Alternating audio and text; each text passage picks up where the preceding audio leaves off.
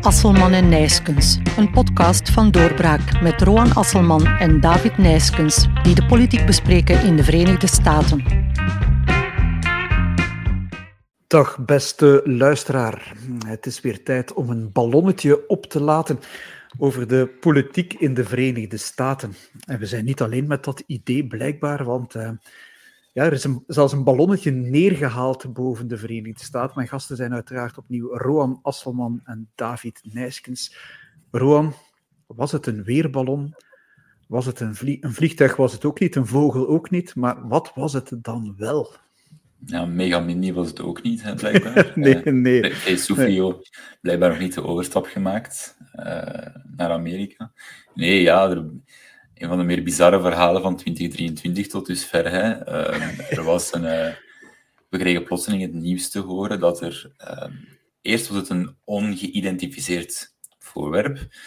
Zodat een UFO, de UFO zeg noemen. Voilà, een, UFO, een UFO, maar ze hebben daar een andere naam aan gegeven. Ja. Um, om de um, alien-speculatie natuurlijk zoveel mogelijk te vermijden. Ja, want die bestaat Uh, ja. ook in de Verenigde Staten. Hè? Ja, ja, nee, dat is een heel onderwerp op zich. Daar kan je een podcast uh, aan, aan wijden zonder, uh, zonder andere topics. Um, nee, maar uh, alle gekheid op een stokje. Uh, het was natuurlijk wel een test um, voor de Biden-regering. Er werd gesproken, kijk, we hebben een Chinese spionballon hè, gevonden. Die ballon uh, is blijkbaar al een tijdje uh, boven Alaska aan het vliegen. Is daarna het continentale, of de continentale Verenigde Staten uh, overgevlogen. En is dan uiteindelijk na een hele spannende trip over verschillende staten neergeschoten aan de oostkust. Oké.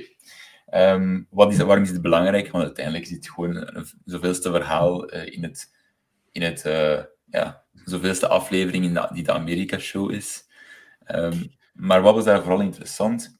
Het was vooral interessant omdat, om twee redenen. Ten eerste werd de vraag gesteld van, kijk, er is een ballon, uh, een spionagevehikel, uh, dat momenteel boven het grondgebied van de Verenigde Staten vliegt en uh, wij gaan ervan uit dat dat van Chinese makelij is. Oké, waarom wordt die ballon niet onmiddellijk neergeschoten?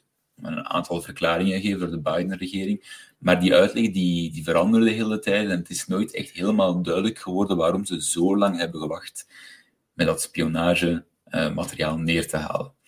Um, ten tweede um, is er natuurlijk heel de historie van, ja, heeft iets te maken met eventuele verwikkelingen van de familie Biden met de Chinese overheid? Wie Oh. zal het zeggen? Hè? Mhm. Uh, wellicht niet, is mijn gok. Um, maar het feit dat er een, uh, van, dat er een spionageballon over het grondgebied kon vliegen van de grootmacht die eigenlijk de eerste concurrent is van die andere grootmacht, namelijk China. En dat dat wellicht ook uh, de, uh, zo niet militaire, zeker wel economische strijd van de 21ste eeuw zal worden. China versus de Verenigde Staten. Um, is natuurlijk ja, niet fantastisch voor de regering Biden en voor ja, het imago als het gaat over de manier waarop ze met het, met het buitenland omgaat. Hè. De foreign policy van de regering Biden. Mhm. We hebben heel het debacle in Afghanistan gehad. Natuurlijk, dat zijn niet gerelateerde uh, aspecten, maar zoals wel eens vaker gebeurt in de politiek, zaken worden wel eens op een hoop gesmeten. En ja, het idee dat, uh, dat de regering Biden niet helemaal on top of things is als het gaat over dealen met, uh, met foreign policy adversaries, um, ja, dat zit er nu wel, wel, denk ik, wel goed in. Maar de vraag blijft toch ook een beetje, was het nu een weerballon? Was het een, een spionageballon? Het was ook blijkbaar niet de eerste. Het is dat toch, toch David, een, een heel warrig verhaal. Ik vind het een zeer warrig verhaal. Uh, ik vind dat het, wordt al zeer warrig op het moment dat het in feite gewoon burgers zijn die beginnen opmerken uh, dat er een ballon uh, in de lucht zweeft. Dus dat het blijkbaar niet uh, wordt gemeld door de Amerikaanse regering of zo. Dus dat, dat wordt er, eerst zijn het gewone burgers die van op de grond vaststellen dat er een ballon kilometers hoog aan het vliegen is. Dat is, dat is nummer één. Twee is het een spionageballon, het is een weerballon. Uh, eerst is een spionageballon die dan zo, die dan toevallig over uh, nucleaire installaties in Montana aan het zweven is. Uh, maar, dat blijkt, maar blijkbaar schieten ze hem dan neer. Uh, ik heb ook gehoord dat hij zou zelf-destruct, uh, dat China hem uh, onder controle had, zelf-destruct. Ik heb zoveel zaken gehoord, dat ik zelf persoonlijk de bomen door het bos niet meer zie. Wat ik nu hoor is, hij is neergeschoten en het, is, het zou over helemaal niks gaan. het zou inderdaad over weerballon gaan, dus het is zeer onduidelijk. Want wat ik me afgevraagd heb, zijn er dan geen afspraken internationaal over zo'n weerballon die je toch niet helemaal kan controleren en die zo hoog vliegt en, en, en, en met de wind meegaat? Ja, ik bedoel, je mag, allez, de soevereiniteit van een land die strekt uit niet enkel wat er op het land zich bevindt en onder het land zich bevindt, maar ook wat er zich boven het land bevindt. Het luchtruim maakt daar deel van uit. Dus dat is inderdaad zeker een, uh, zeker een inbreuk op het, uh, op het fameuze internationale recht dat toch zo afdwingbaar is. Um, maar eigenlijk is het ook niet super belangrijk of het nu een weerballon of een spionageballon is. Natuurlijk, voor de gevolgen wel. Maar het feit is dat de Biden-regering en iedereen, heel de politieke klasse, de media, ervan uitgingen dat het een spionageballon was. Dat van uiteindelijk een weerballon leek, is niet zo relevant voor de respons van de Biden-regering, want die gaat er mhm. natuurlijk wel van uit. Dat zou dan eigenlijk een gelukje achteraf zijn, moest een weerballon toch blijken. Uh, maar ja, dus heel die lange vlucht over het grondgebied van de Verenigde Staten ging iedereen er van minuut 1 tot de laatste minuut vanuit dat het wel degelijk iets, uh, iets meer duister, iets meer sinister was dat daar aan het gebeuren was. En daar eigenlijk, ja, maar ja, een beetje dat er eerst warm en koud geblazen werd en dat er dan vervolgens maar heel flauw werd gereageerd en dat de ballon uiteindelijk pas vernietigd werd of zichzelf vernietigde, wie zal het zeggen. Nadat ze heel de trip had gemaakt over de Verenigde Staten, ja, dat, wat imago betreft, uh, ja, natuurlijk niet. Uh, en dat ben dan voornamelijk een raket, en dan heeft men een raket nodig van 500.000 uh, dollar om dat dan nog neer te schieten ook. Hè, dus, een ballonnetje. Dat, en, en dan wordt dat dan nog helemaal maar uh, over, zoals de Verenigde Staten volledig over is. het was, ehm, ik denk dat het een pijnlijke affaire is voor Defensie onder Biden, dit verhaal. Net zoals Rowan perfect zegt. Biden, daar hebben we het nu al de hele tijd over, en, en, en het ballonnetje. Er was ook de State of the Union. Moeten we daar nog iets over zeggen? Of is daar het meeste toch al over gezegd? Ik, ik had de indruk dat het toch niet direct een grote verrassing was wat daar allemaal gezegd werd. Ja, ik ook niet. Ik ook niet. Uh, ja, ik kan er in feite ook niet zoveel over zeggen. Ik, uh, de toespraak was naar Bidens normen uh, zeer goed. Hè. Zijn, we zijn al blij als hij gewoon goed overkomt. hè. Dus, uh, maar dat is op zich, dat was oké. Okay. Um, hij was wel best combatief. Hè. Hij daagde de mm -hmm. Republikeinen ook uit op uh, sommige momenten. Dus het was echt een, een toespraak waarbij toch wel meer en meer duidelijk wordt dat hij toch de kandidaat zal zijn in 2024. En ik vind dat hij dat daar in feite wel gestart is. Ja, ja. ik denk Um, ten eerste, wat heel dat State of the Union gedoe betreft, hè, dat is, je hebt daar ook nogal uitgesproken meningen over in de Verenigde Staten, omdat dat toch maar iets quasi-monarchaal is, uh, dat daar gebeurt elk jaar. En natuurlijk, ja, dat strookt natuurlijk niet helemaal met het originele idee van het presidentschap. Hey, Washington, de eerste president, die stuurde gewoon een brief naar het congres. Die zei van, ja, hier, alles is in orde, of alles is niet in orde. Uh, maar dat was geen zo, ja, bijna een troonsrede hè, die er elk jaar wordt gehouden door, door de president. Dus je hebt daar ook wel wat kritiek op, zeker vanuit de conservatieve hoek.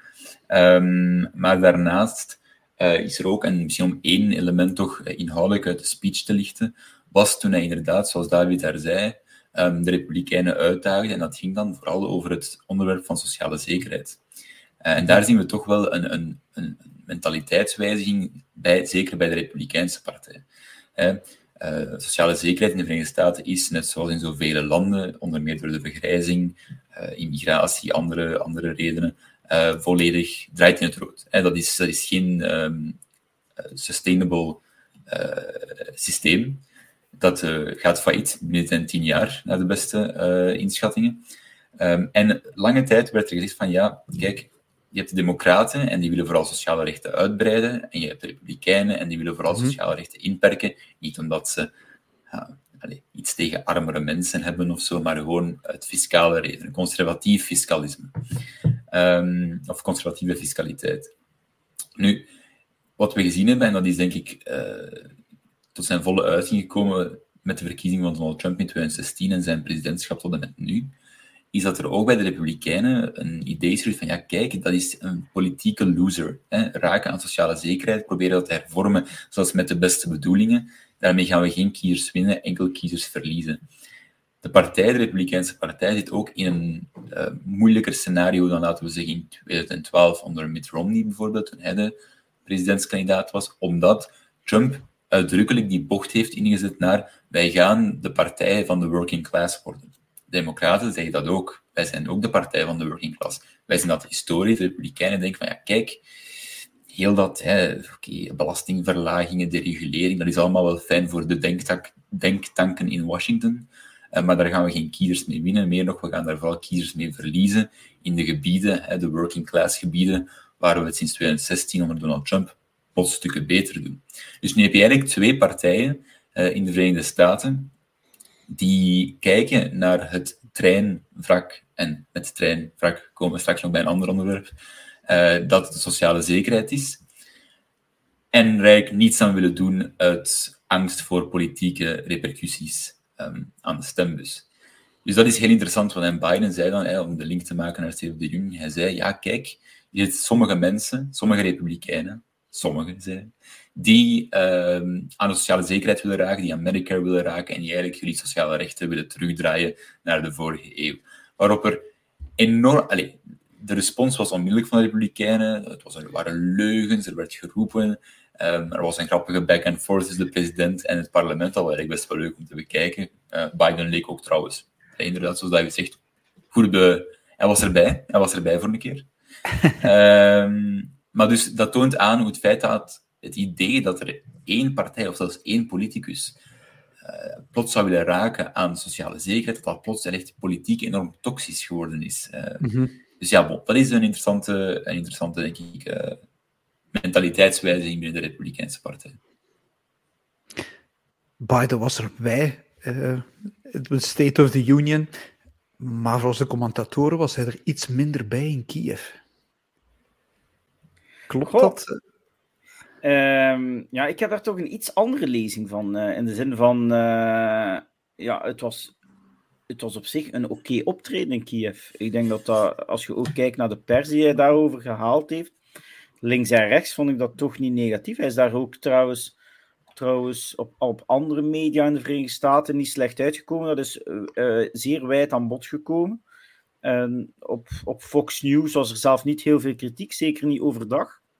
Zeker niet overdag. S'avonds in de opinieprogramma's wel wat meer. En zeker omwille van het feit dat hij dan, uh, maar daar ga ik later nog uh, iets over zeggen, uh, dat er natuurlijk plekken zijn waar hij dan natuurlijk niet naartoe gaat. Hè? Dus, maar daar mhm. komen we straks op. Maar op zich, die toespraak was, is wijd gedragen geweest. ook die toespraak in Polen ehm, was toch op zich niet slecht van Biden. Um, het enige is natuurlijk, ja, de vraag is in hoeverre dat Oekraïne dat dat echt uh, belangrijk gaat blijven voor, voor Amerikanen. En dat is natuurlijk wel een andere vraag, in de zin van, is dit een winning issue om naar verkiezingen mee te gaan uh, voor Biden? En dat antwoord zou wel een keer uh, eens negatief kunnen zijn. Omwille van het feit dat het toch zo is dat, ehm, dat dat we zien dus dat in de peilingen, er is een interessante peiling geweest, en daar gaat het over dat het, uh, als het over geld geven naar Oekraïne gaat, dat 37% uh, uh, van de mensen uh, maar voorstander is om direct die hulp aan de Oekraïnse regering te geven en 38% daartegen. Ehm, dus dat we daar toch zien dat er toch een soort van oorlogsmoeheid begint op te treden. 48% van de Amerikanen is ook maar nog voorstander voor hulp voor Oekraïne. Dus met andere woorden, je ziet toch dat er daar zaken aan het gebeuren zijn. Ook de Republikeinen in het congres nu zijn ook heel duidelijk aan het zeggen: maar kijk, we moeten dat geld gaan auditen, dat geld dat naar Oekraïne gaat. Waar gaat dat naartoe? Waarvoor wordt dat gebruikt? En dat zijn allemaal zaken die, die toch beginnen uh, beginnen lijken, omdat er toch een kleine kentering daaraan te komen is in de publieke opinie.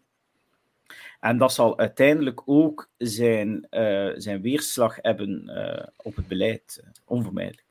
Ik denk, maar... ik denk wat, sorry, ik hoor ja, daar even op in te pikken, Pieter.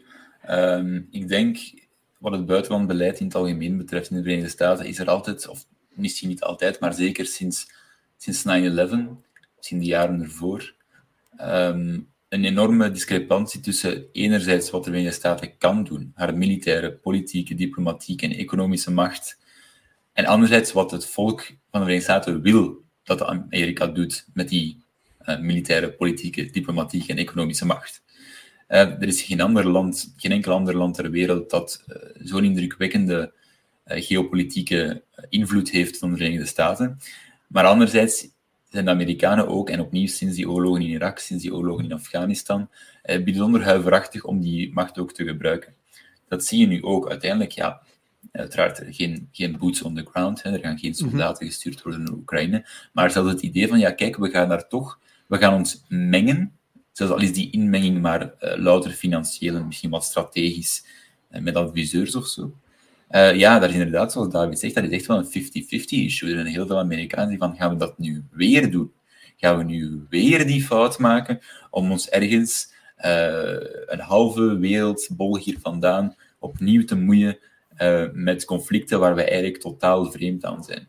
En dat is natuurlijk ja, het hele debat rond ja, de Amerikaanse belangen, definitie, quid, hè, wat zijn de Amerikaanse belangen, hoe ver strekken die zich uit buiten de landsgrenzen en wat, heeft, wat van er buiten de landsgrenzen gebeurt, heeft een impact op wat er binnen de landsgrenzen gebeurt.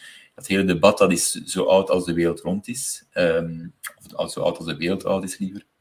En maar het is een debat dat elke keer opnieuw terugkomt als de wereld kijkt naar wat gaat de Verenigde Staten doen. Um, dus ja, inderdaad, dat is uh, heel dat Oekraïne gebeuren. Uh, dat, daar, we daar laatste woord niet over gezegd. En misschien nog één ding om af te sluiten. Amerikanen, het gaat over buitenland beleid, en dat is uh, misschien meer een gevoel dan dat dat gestaafd is door, door statistieken, zijn pas geïnteresseerd in het buitenland als het flagrant verkeerd loopt. Eh, zij gaan er misschien iets te veel van uit dat de, de orde, de nieuwe wereldorde, hè, zoals we het wel eens noemen, mhm. ehm, dat die verworven is en dat er daar geen additionele input nodig is of geen blijvende input nodig is van de Verenigde Staten. Totdat er plotseling iets gebeurt, zoals 9-11, maar ook bijvoorbeeld zoals die catastrofale terugtrekking liever uit Afghanistan. Dan is plotseling natuurlijk, zijn ze heel geïnteresseerd. heeft ook een negatieve impact op de populariteitscijfers van de president, van de commander-in-chief. En dan verdwijnt dat weer. En dus, dus een soort van consistent beleid voeren uh, met consistente publieke steun, dat is, dat is, geen, dat is geen sinecure in de Verenigde Staten. Uh, Rohan haalt daar de populariteitscijfers van de president aan. David, dat zijn cijfers die jij normaal um, bij de hand hebt. Ja, dus die populariteitscijfers uh, zijn, uh, zijn niet goed, maar zijn wel beter. Hè? Dus hij staat op dit ogenblik op min 6 uh, eh, gemiddeld over alle peilingen. Wat wil dat dan zeggen, min 6? Job approval. Hè? Dus ja. hij staat aan de Amerikanen de vraag: bent u tevreden over wat de president doet? En dus op dit ogenblik is dat min 6 gemiddeld over een vijftiental peilingen heen. dus op zich beter dan enkele maanden geleden. Hè. Herinner u, we hebben, er zijn diepe dalen geweest tot min 20, denk ik zelf. Dus dus op zich uh, goed. En dat, dat sterkt hem ook. Je merkt ook, Biden heeft ook meer vertrouwen de afgelopen tijd. Uh, en dat vertaalt zich ook naar de mogelijke kandidaatstelling voor 2024. Mhm. Hè. Dus, ja. uh, dus nog altijd. Dat was mijn volgende vraag eigenlijk. Maar... Ah, maar ja, maar ik zal het bruggetje maken. Hè. Dus, dus nog niet officieel, maar Gisteren toch een interessante dag uh, daarover. We, spreken, zijn vandaag 25 februari, gisteren 24 februari. Uh, Jill Biden uh, zei dat de voorbereidingen, Jill is zijn vrouw, hè, dus dat de mhm. voorbereidingen worden getroffen. En ook Biden heeft gisteren aangegeven dat het niet lang meer ging duren gisteravond. Dus um, het ziet er in feite relatief goed uit. De, het, het verhaal over andere mogelijke tegenkandidaten, dat is in feite overal een beetje gaan liggen. Dus uh, waarschijnlijk geen tegenkandidaat. Dus dat wil zeggen dat de Democraten in 2024 moet iemand naar de stembus gaan die 82 jaar oud zal zijn. Of bijna 82 jaar oud zal zijn, want zijn verjaardag is 20 november. Dus um, belangrijk is dus de vraag opnieuw: wie wordt daar uh, vicepresident? En zal dat mevrouw Harris blijven? En mijn gok is dat dat wel eens de grote inzet zou kunnen zijn bij de Democraten. Mm want het probleem is een beetje dat vriend en vijand ervan overtuigd zijn dat mevrouw Harris het niet kan. Oké. Dus daar is in feite iedereen over, uh, van overtuigd. Natuurlijk, in woke-tijden is het natuurlijk zo dat mevrouw Harris de Victimhood Olympics, hè, dus de Olympische Spelen van het slachtofferschap, uitstekend wint. In de zin van, ze is van Afro-Amerikaanse origine, ze is vrouw. Uh, ja, als men haar natuurlijk daar wegneemt en vervangt door, ik zeg maar iets, een witte een blanke hetero, man, een blanke hetero man uit Californië die gouverneur is. Uh, ik geef gewoon een voorbeeld hoor. Ja, ja. Het kan, het kan, dan zal dat natuurlijk, dan ligt dat in, de, in die Democratische Partij natuurlijk zeer lastig. Mm -hmm. Dus uh, mijn gok is dat men zichzelf veroordeeld heeft tot mevrouw Harris en dat men dus het met mevrouw Harris zal moeten blijven doen. Okay. Ja, dat denk ik ook. Ik denk als ze vervangen wordt, dan zal het inderdaad zijn door een andere um, vrouw van een, uh, van een etnische minderheidsachtergrond. Er is geen andere mogelijkheid. Dat is gewoon not done binnen de Democratische Partij om een, uh, om een Afro-Amerikaanse vrouw te vervangen door een blanke man. Dat gaat gewoon niet gebeuren. Pete Buttigieg wordt wel eens genoemd. Hè? Mhm. Mm -hmm. Hij heeft natuurlijk als enige voordeel, hij is blank, hij is man. Groot probleem. Maar hij is wel uh, homo, dus hij, komt, uh, hij maakt deel uit van de LGBTQ-gemeenschap, wat natuurlijk wel enkele punten oplevert, uh, maar zeker niet voldoende om Kamala Harris te kunnen vervangen. Dus ik, ik, zie dat trouwens niet gebeuren in het algemeen, ook niet door een andere um, Afro-Amerikaanse vrouw of zo. Dat, dat gaat niet gebeuren, denk ik. ik denk dat het... Kamala Harris heeft haar rol, ik denk, gespeeld zoals van haar gevraagd werd de voorbije vier jaar. Uh, zei het gewoon dat zij bijzonder slecht is in haar job. Uh, het is niet dat zij tegen de president is ingegaan, dat zij heeft geprobeerd wat... zijn eigen persoonlijkheid te ontwikkelen. Nee, zeg maar, Pieter. Ja, wat doet ze dan zo slecht? Dat is, is mijn vraag eigenlijk. Ja, nee, ze, ze, is... Kijk, een politicus moet maar een aantal zaken kunnen. Hè. Laten we daar eerlijk over zijn. Uh, inhoudelijke kennis is er daar geen van. dat, mag, dat, dat mag, maar dat is optioneel. Ja. wat een politicus vooral goed moet kunnen, is communiceren. Uh, goed op camera pakken liefst. Uh, en netwerken bouwen, bruggen bouwen. Dat is eigenlijk de taak van een politicus. Um, nu, Kamala Harris, het vicepresidentschap, is een, is een job die bij uitstek daarbij aansluit, want je hebt geen inhoudelijke taken. Hè, dat is uh, mm-hmm. John Nance Garner, die was vicepresident, die zei ook, it's not worth a warm bucket of spit. Hè? Het vicepresidentschap, dat is geen echte job. dat is een ceremoniële job en je zit daar enkel om te, om president te worden.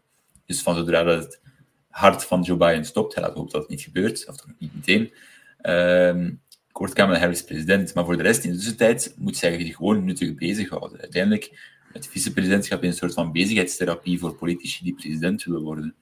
En wat zij dus, het enige wat zij moet doen, is um, naar plaatsen gaan, speeches geven, het beleid van de president verdedigen, en uh, op, in de tussentijd bruggen bouwen, netwerken bouwen voor haar eigen presidentscampagne, die er ongetwijfeld over vier jaar aankomt.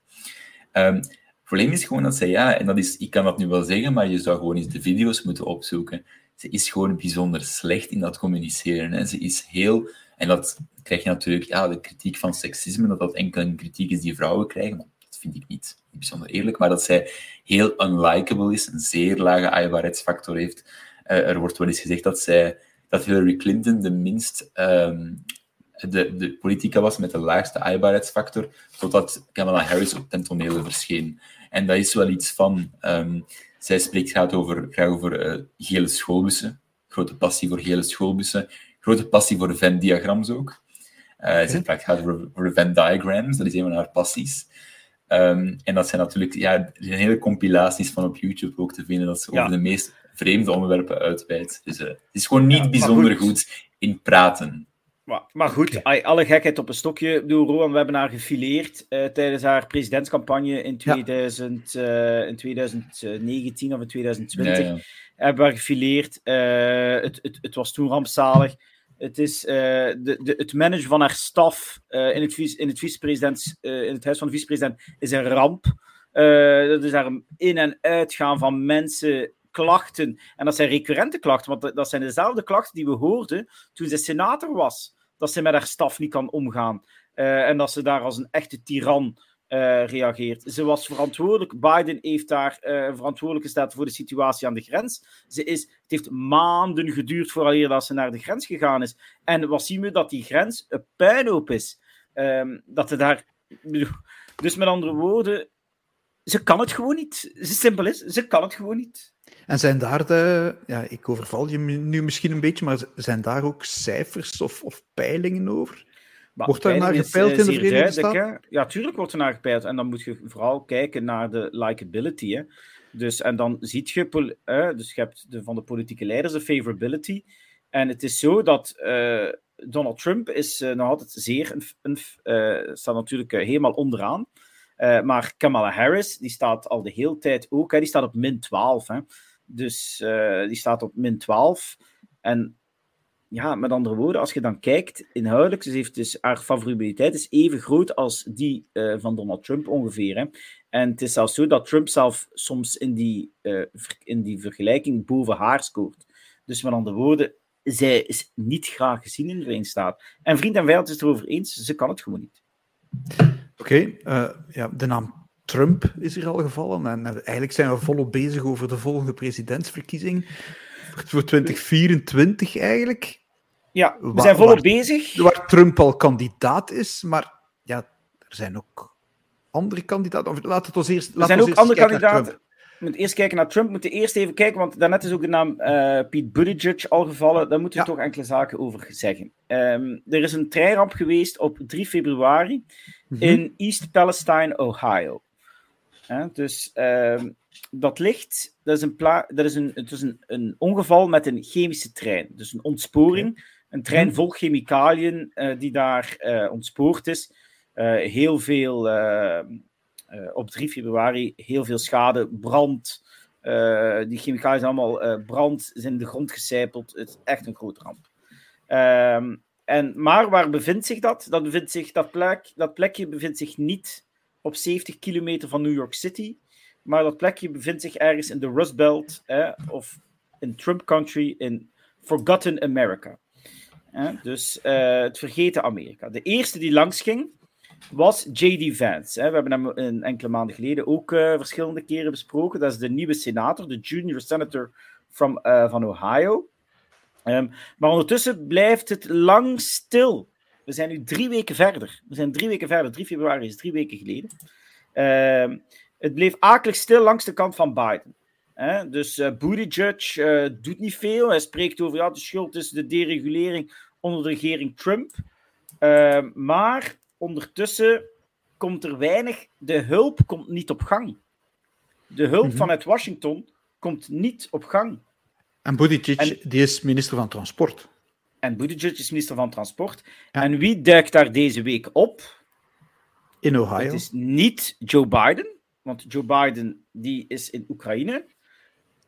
Het is niet Pete Buttigieg, de minister van Transport. Het is Donald Trump die daar opdaagt. Donald Trump daagt op in East Palestine, Ohio. Het zijn zijn kiezers. Trump komt daartoe, hij levert water. Hij levert hulpgoederen. De- privaat gefinancierd. Hè. Daarnaast gaat hij iedereen een hart onder de riem spreken. Hij gaat toespraak, een toespraak, nodigt dat burgemeester uit, man van de brandweer. Het is alsof dat de president zelf langskomt. Het is alsof dat de president zelf langskomt. Voor die, het is eindelijk iemand die daar naartoe gaat, die die mensen zich gehoord doen voelen. Eh, ondertussen, natuurlijk, omdat ze wist dat Trump eh, ging, zijn ze hulp beginnen, eh, zijn ze ook echt dingen beginnen doen. En Trump, Trump is Trump, hè. Trump, ook belangrijk is, heel interessant om te weten. Ik heb ook een glimpje, een, glimp teruggezien van de Trump 2015, 2016. Trump gaat naar McDonald's. Hij gaat naar McDonald's, hij trakteert. Hij zegt, hij komt, tegen, hij komt toe. Hij zegt, het eerste wat hij zegt tegen die mensen is van, kijk, ik ken dit menu waarschijnlijk beter dan jullie zelf. En hij zegt, kijk, het eerste wat we gaan doen is, we gaan hier eten voorzien voor al, alle mensen van de brandweer die hier meehelpen, voor alle politieagenten, iedereen in het restaurant, iedereen gratis eten. Eh, en daarnaast eh, nemen we ook eh, nog een heel groot pakket mee voor op het vliegtuig, wat wij gaan opeten. Ehm, hij begint, hij zit daar eh Trumps, eh, Trump-patches eh, uit te delen eh, bij de mensen. Dat heeft hij dus ook allemaal gedaan op het einde van dat bezoek. Dus, hey, Ondertussen, van pure schaamte, is Pete Buttigieg ook op, toch naar East Palestine afgezakt om daar iets te gaan doen. Dus, en het narratief is belangrijk natuurlijk. Het narratief wat we zien is, we zien een Trump die in Amerika is, Biden in het buitenland, eh, buitenland zeer belangrijk vindt, maar zijn eigen mensen in East Palestine in feite in, uh, in, de, steek, in, in de steek laat. En nog een laatste ding dat we willen zeggen, de impact voor de Senaat in 2024 niet onbelangrijk. Dus een senator die moet herverkozen worden in Ohio. En Ohio is, de enige sta is een van de enige staten die zowel een democratische als republikeinse senator is. Het is ondertussen een zeer republikeinse staat geworden.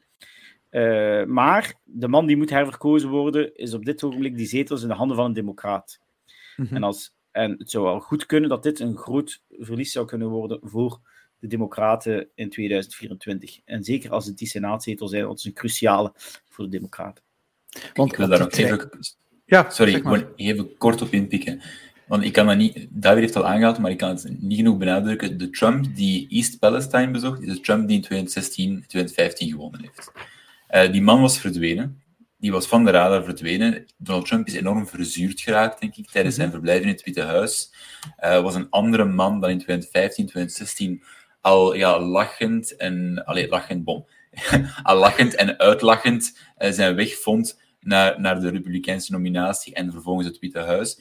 De, de, mensen zijn, denk ik, de laatste vier jaar vergeten hoe het komt dat Donald Trump um, het zover heeft kunnen schoppen bij de kiezers, bij de mensen. En het was deze Donald Trump die dat heeft gedaan. Niet de Donald Trump die sinds november uh, 20, uh, was het nu ook al even nadenken, 2020 inderdaad aan het, uh, aan het klagen en aan het zagen en aan het zeuren was over een gestolen verkiezing. Kijk, het, de hele aantrekkingskracht van Donald Trump tijdens zijn campagne en ook tijdens de eerste jaren van het Witte Huis was ik ben, één, ik ben lid van de elite. Ik ken ze allemaal. En ik weet dat zij jullie haten.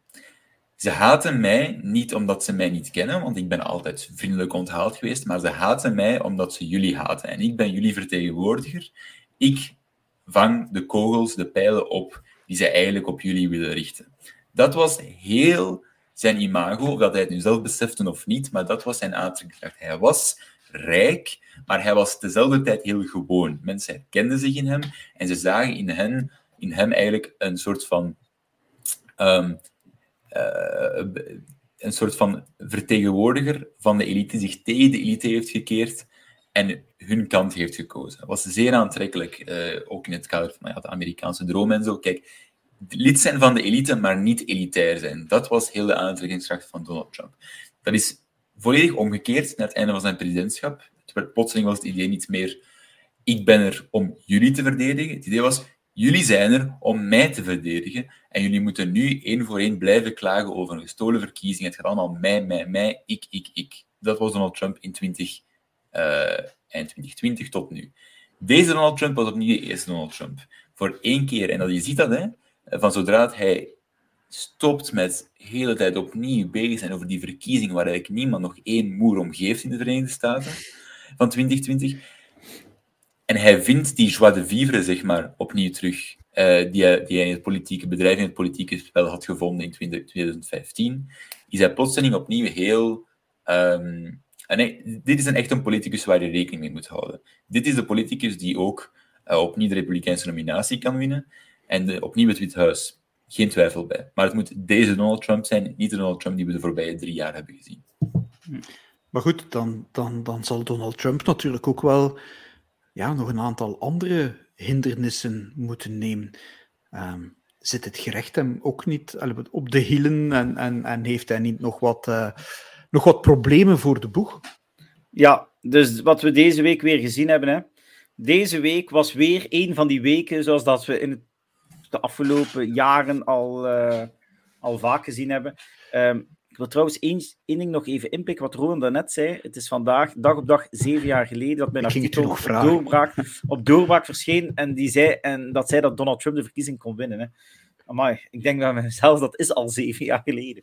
uh, dus, uh, maar ja, waar, dus, uh, waar je toen eenzaam in de woestijn was. Waar ik toen eenzaam in de woestijn was. Ja. Ehm, maar goed. Maar dus, Trump en zijn probleem met gerecht. Hè, dus ehm, deze week was opnieuw zo'n week. Heel belangrijk. Ehm, het begon op maandag en dan op dinsdag uh, kwam er heel veel nieuws um, uh, over. Uh, en dan, ik denk dat dinsdagavond was het artikel in de New York Times. En dan op woensdag was het op.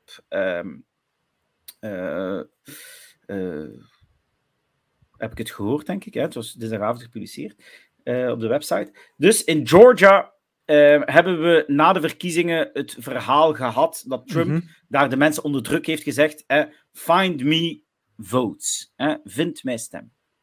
Dus um, dat is dus wat men dus uh, wil duidelijk maken: dat Trump daar de mensen onder druk gezet heeft om de verkiezing uh, op een illegale manier in zijn voordeel te beslechten. Dat heeft men, dus dat wil men dus aanduiden. Georgia heeft een beetje een speciaal systeem. Georgia heeft een systeem dat je dus een gewone grand jury hebt, een standing grand jury. Dat, is een, dat zijn grand juries die permanent zijn. Dat zijn mensen die aanklachten kunnen, uh, kunnen maken. En je hebt ook special grand juries. Dat zijn mensen die een rapport maken, en, maar die, geen aanbe, uh, die wel aanbeveling kunnen doen aan de rechter om uh, aanklachten te formuleren, maar die geen aanklachten kunnen formuleren. Dus, en uh, dus die special grand jury die heeft een four-person, een soort voorpersoon, een voorman of een voorvrouw. En dus het geluk voor Donald Trump is dat deze persoon, die vrouw, die heeft een rondje televisie gedaan. Uh, over dat rapport deze week. En ik zie Rohan al lachen, maar ik ga Ja, sorry. Uh, en die heeft daardoor alles zo'n beetje zitten ondergraven. Het ding is, die persoon mag dit doen. Hè? Zij mag uh, overspreken. Ze mag, geen, ze mag niet letterlijk citeren uit het rapport, maar ze mag, mag wel wat zaken aangeven die daarin staan. Ze mag daarover spreken. Um, niet zoals de standing grand jury, maar omdat dat speciaal is, is dat een beetje anders. Uh, CNN en MSNBC die wilden die persoon natuurlijk maar alle ruimte geven op televisie, want het is om de grote slechterik, de grote Satan te, slachtoffer, uh, te slachten, Donald Trump.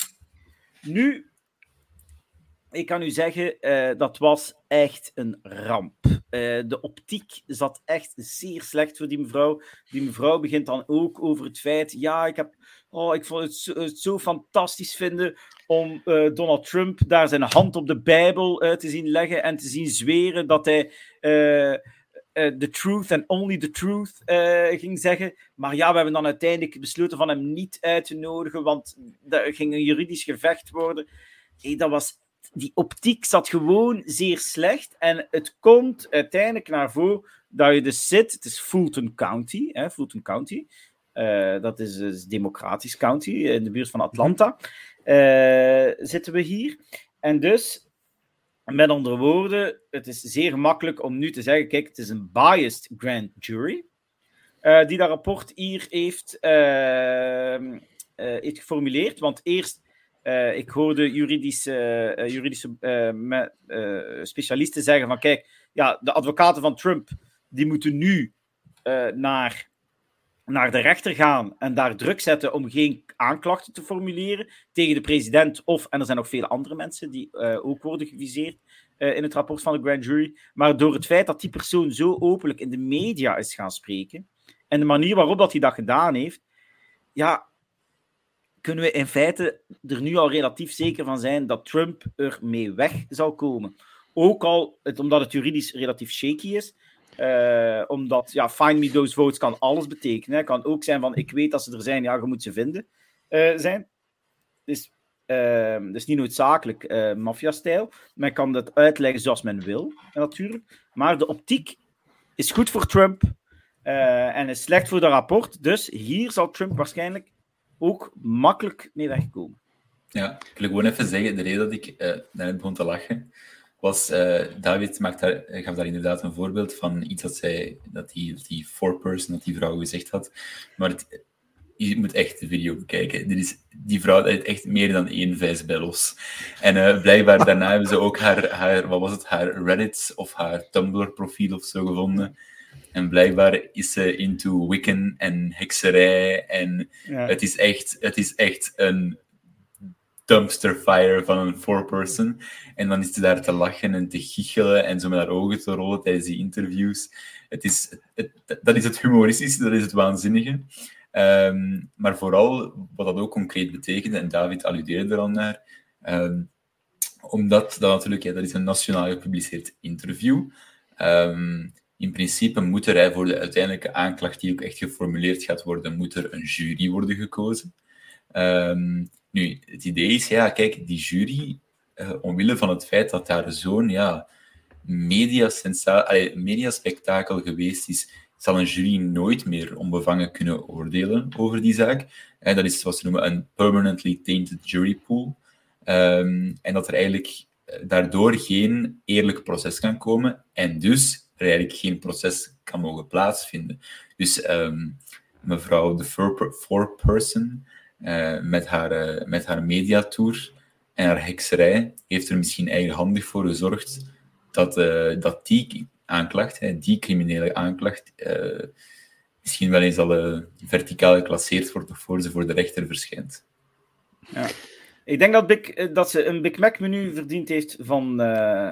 Zeker weten. Zeker als, weten. Als, als je het zo zegt, dan denk ik aan Trump als een soort uh, Amerikaanse Balthazar Boma die... Uh, nee, maar dat is ja? exact, hè. Exact, dat is een heel goede vergelijking. Hmm. Balthazar Boma is rijk, uh, maar is toch een man van het volk. Hè? Hij, gaat zijn, hij gaat zijn tournee generaals geven in het stamcafé van de kampioenen. En dat is een beetje Donald Trump die naar de McDonald's ging en daar een tournee generaal van McMac, Big Macs gaf mm aan de brandweermannen. Optiek is in ieder land, denk ik, voor de politiek belangrijk, maar zeker, zeker in de Verenigde Staten, waar een verkiezing toch eigenlijk vooral een populariteit, populariteitswedstrijd is. Ja. En mm Trump weet hoe televisie werkt, hè. Dus, uh, maar ja, dus nu dat dus weer een, een, een gerechtelijk probleem minder. Het is, uh, het, ik, denk, ik denk nog altijd dat wat Trump er echt zal weerhouden van, van de, op het stembiljet te staan in 2024, dat het nog altijd het gerecht zal zijn. Hoor. Mm -hmm. uh, maar het ding is natuurlijk, uh, dergelijke zaken zoals deze week in Georgia, verkleinen die kans dus wel enorm. En ik moet ook zeggen, ja, ondertussen zit Trump ook inhoudelijk terug uh, heel veel filmpjes te maken over, hè, noemt het, hij noemt het de Agenda 47. Hè, dus hij is de 45ste president, Biden de 46ste president. Ja, okay. Maar als Trump nu herkozen wordt, hè, dus uh, mocht hij opnieuw uh, president worden, dan wordt hij de 47ste president. Maar um, ondertussen, ondertussen zijn er toch al de eerste tegenkandidaten. Ja, in de Republikeinse ja, de eerste tegenkandidaat, het eerste wat ik nog wil zeggen, de Agenda 47 zou kunnen samenvatten onder de titel Drain the Swamp. Het, zal, het is Opnieuw. een complete outsider-campaign van uh, ik ken Washington nu uh, van binnen en van buiten en ik ga het nu voor eens en voor altijd opschonen. Dat is, dat is de onderliggende boodschap. Kijk maar naar het filmpje over buitenlands beleid, dat echt zeer duidelijk was. Maar dus de andere kandidaten heb ik Ja. ondertussen ook voor jou allemaal opgezocht. eh. Ah, We zitten mooi. met ehm één belangrijke, één minder, minder belangrijke tegenkandidaat, die, die echt toch een beetje pers heeft gehaald. De eerste belangrijke is natuurlijk Nikki Haley, Ja. de gouverneur van South Carolina. Eh, ze was onder Trump ambassadeur bij de Verenigde Naties. Ehm, een vrouw lichtelijk door de Tea Party geïnspireerd, re- relatief goed conservatief, maar in zaken buitenlands beleid wel zeer anders dan Trump. Hè? Dus Mhm. eh, veel meer eh, buitenlandse avonturen en zo is zij veel meer, eh, een veel grotere voorstander van. Ehm, maar ook eh, Trump heeft daar al zwaar onderuit gehaald. Hè? Dus eh, een, eh, een, mail, eh, een mail over de real Nikki Haley.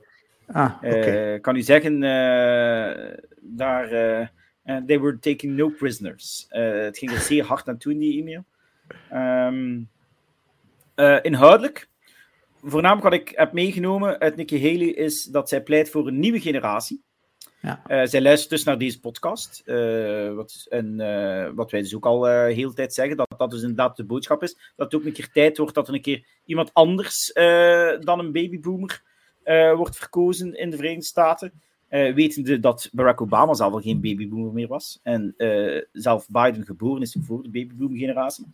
Ehm, eh, maar hè, zij pleit voor een cognitieve test voor politici ouder dan 75 jaar. en, dat is natuurlijk, en dat is natuurlijk wel zeer. Hè, zij probeert natuurlijk Biden heel hard mee te treffen, maar zij treft daar natuurlijk ook uh, Trump uh, mee, want Trump is on, wordt uh, 77 dit jaar. Um, dus algemeen naar campagne-lancering, ik heb die toespraak gezien. Ik vond de interviews beter, maar die toespraak die duurde te lang. Die duurde te lang. Daarnaast denk ik niet dat het een goed idee is om te zeggen van dat je mensen die ouder zijn, dat je die onder, wil onderwerpen aan cognitieve testen. Ik weet niet of dat, dat de juiste boodschap is die je als politicus wil brengen. Ik denk dat je daar um, een soort van automatisch iets mee zegt van, ja, ik schrijf uh, oude mensen af. Ik weet niet of dat heel slim is. Um, dus uh, we zullen het zien. Um, ja. Ik zal straks nog even terugkomen met een peiling over Nikki Haley, maar uh, ik heb weinig hoop. Ja. Ja, maakt ze kans volgens jou? Maar ik, heb, ik heb wel een zwak voor Nikki Haley. Um, al, ik bedoel, een louter professioneel zwak voor Nikki Haley, voor de duidelijkheid. Over, um, Ik denk dat uiteraard. Uh, zij, zij is volgens mij een zeer bedreven politica.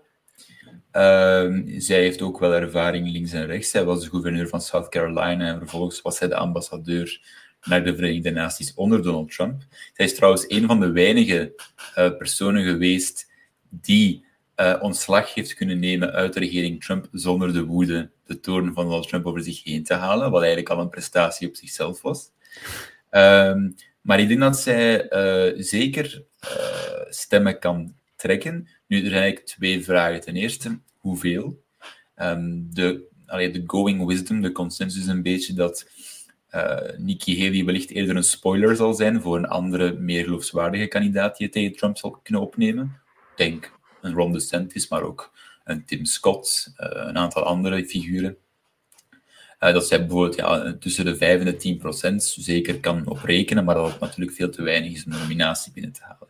Nu, anderzijds, um, um, ik denk een van de risico's die Nikki Haley, dat de kandidatuur van Nikki Haley heeft, is dat zij een beetje tussen twee sporen gaat vallen.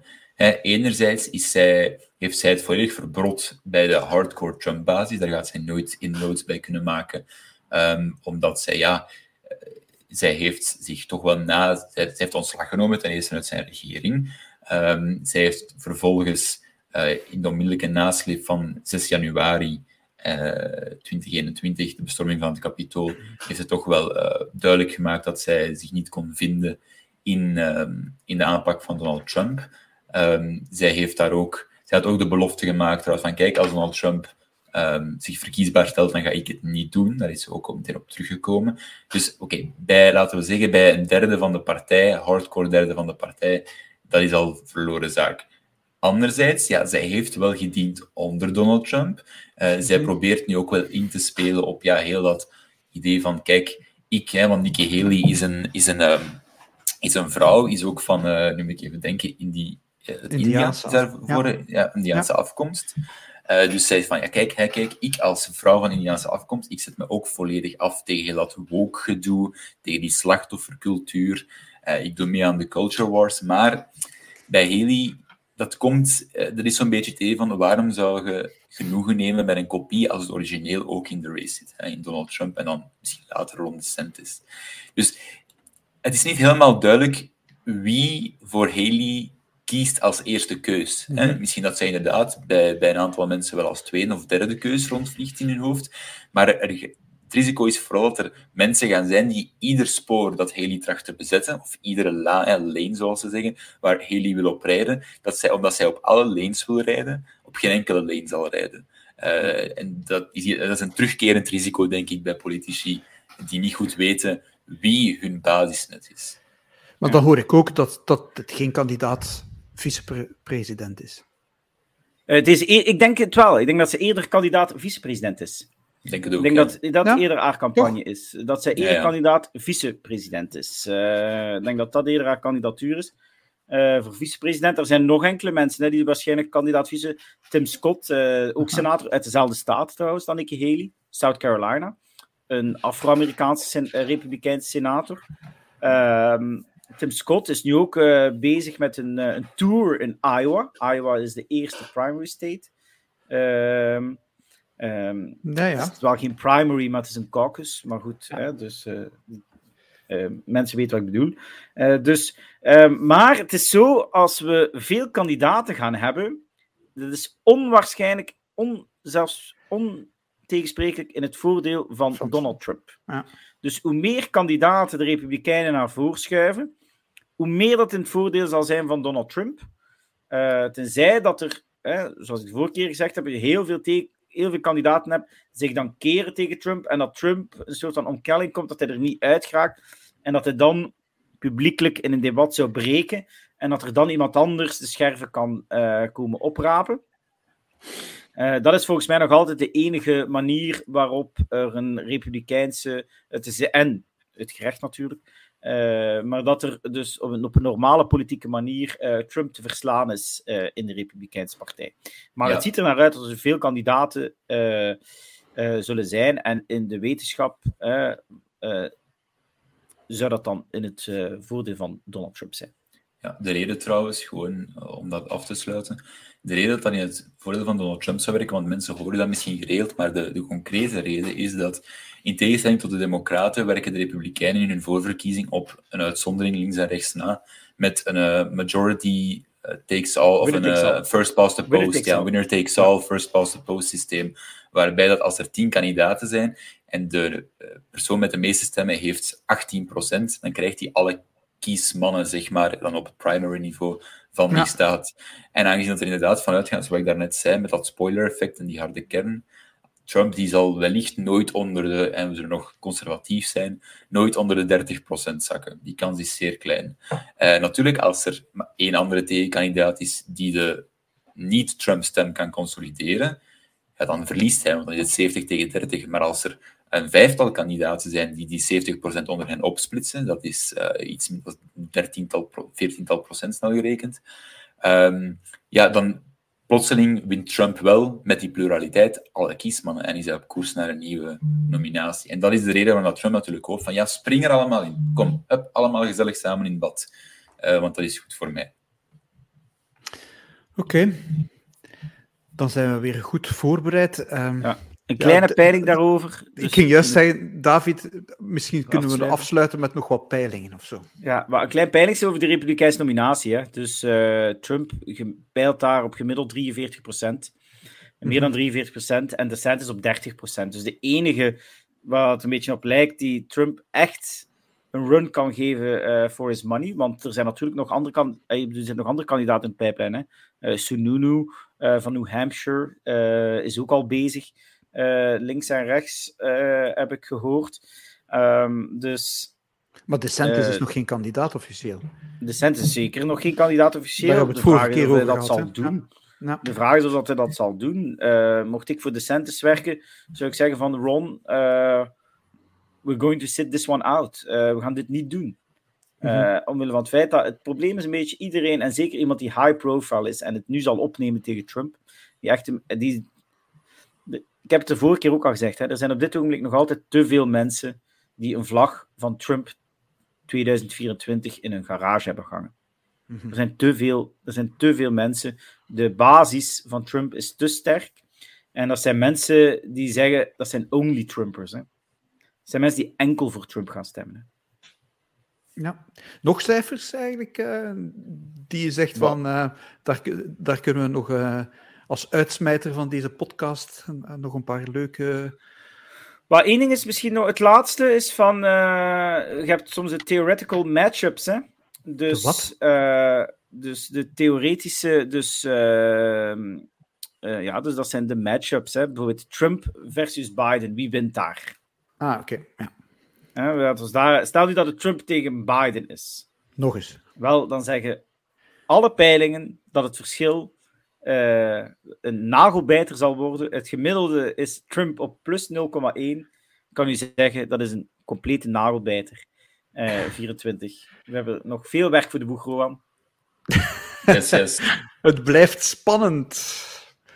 Goed, uh, bedankt mijn heren om uh, vanuit jullie ballon op hoge hoogte even de VS te overschouwen. En wij, wij horen elkaar over een twee, drietal weken opnieuw. En u, beste luisteraar, bedankt om te luisteren naar onze podcast.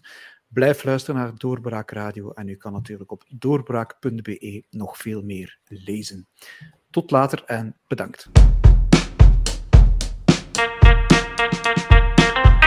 U luisterde naar Asselman en Nijskens, een podcast van Doorbraak over de politiek in de Verenigde Staten.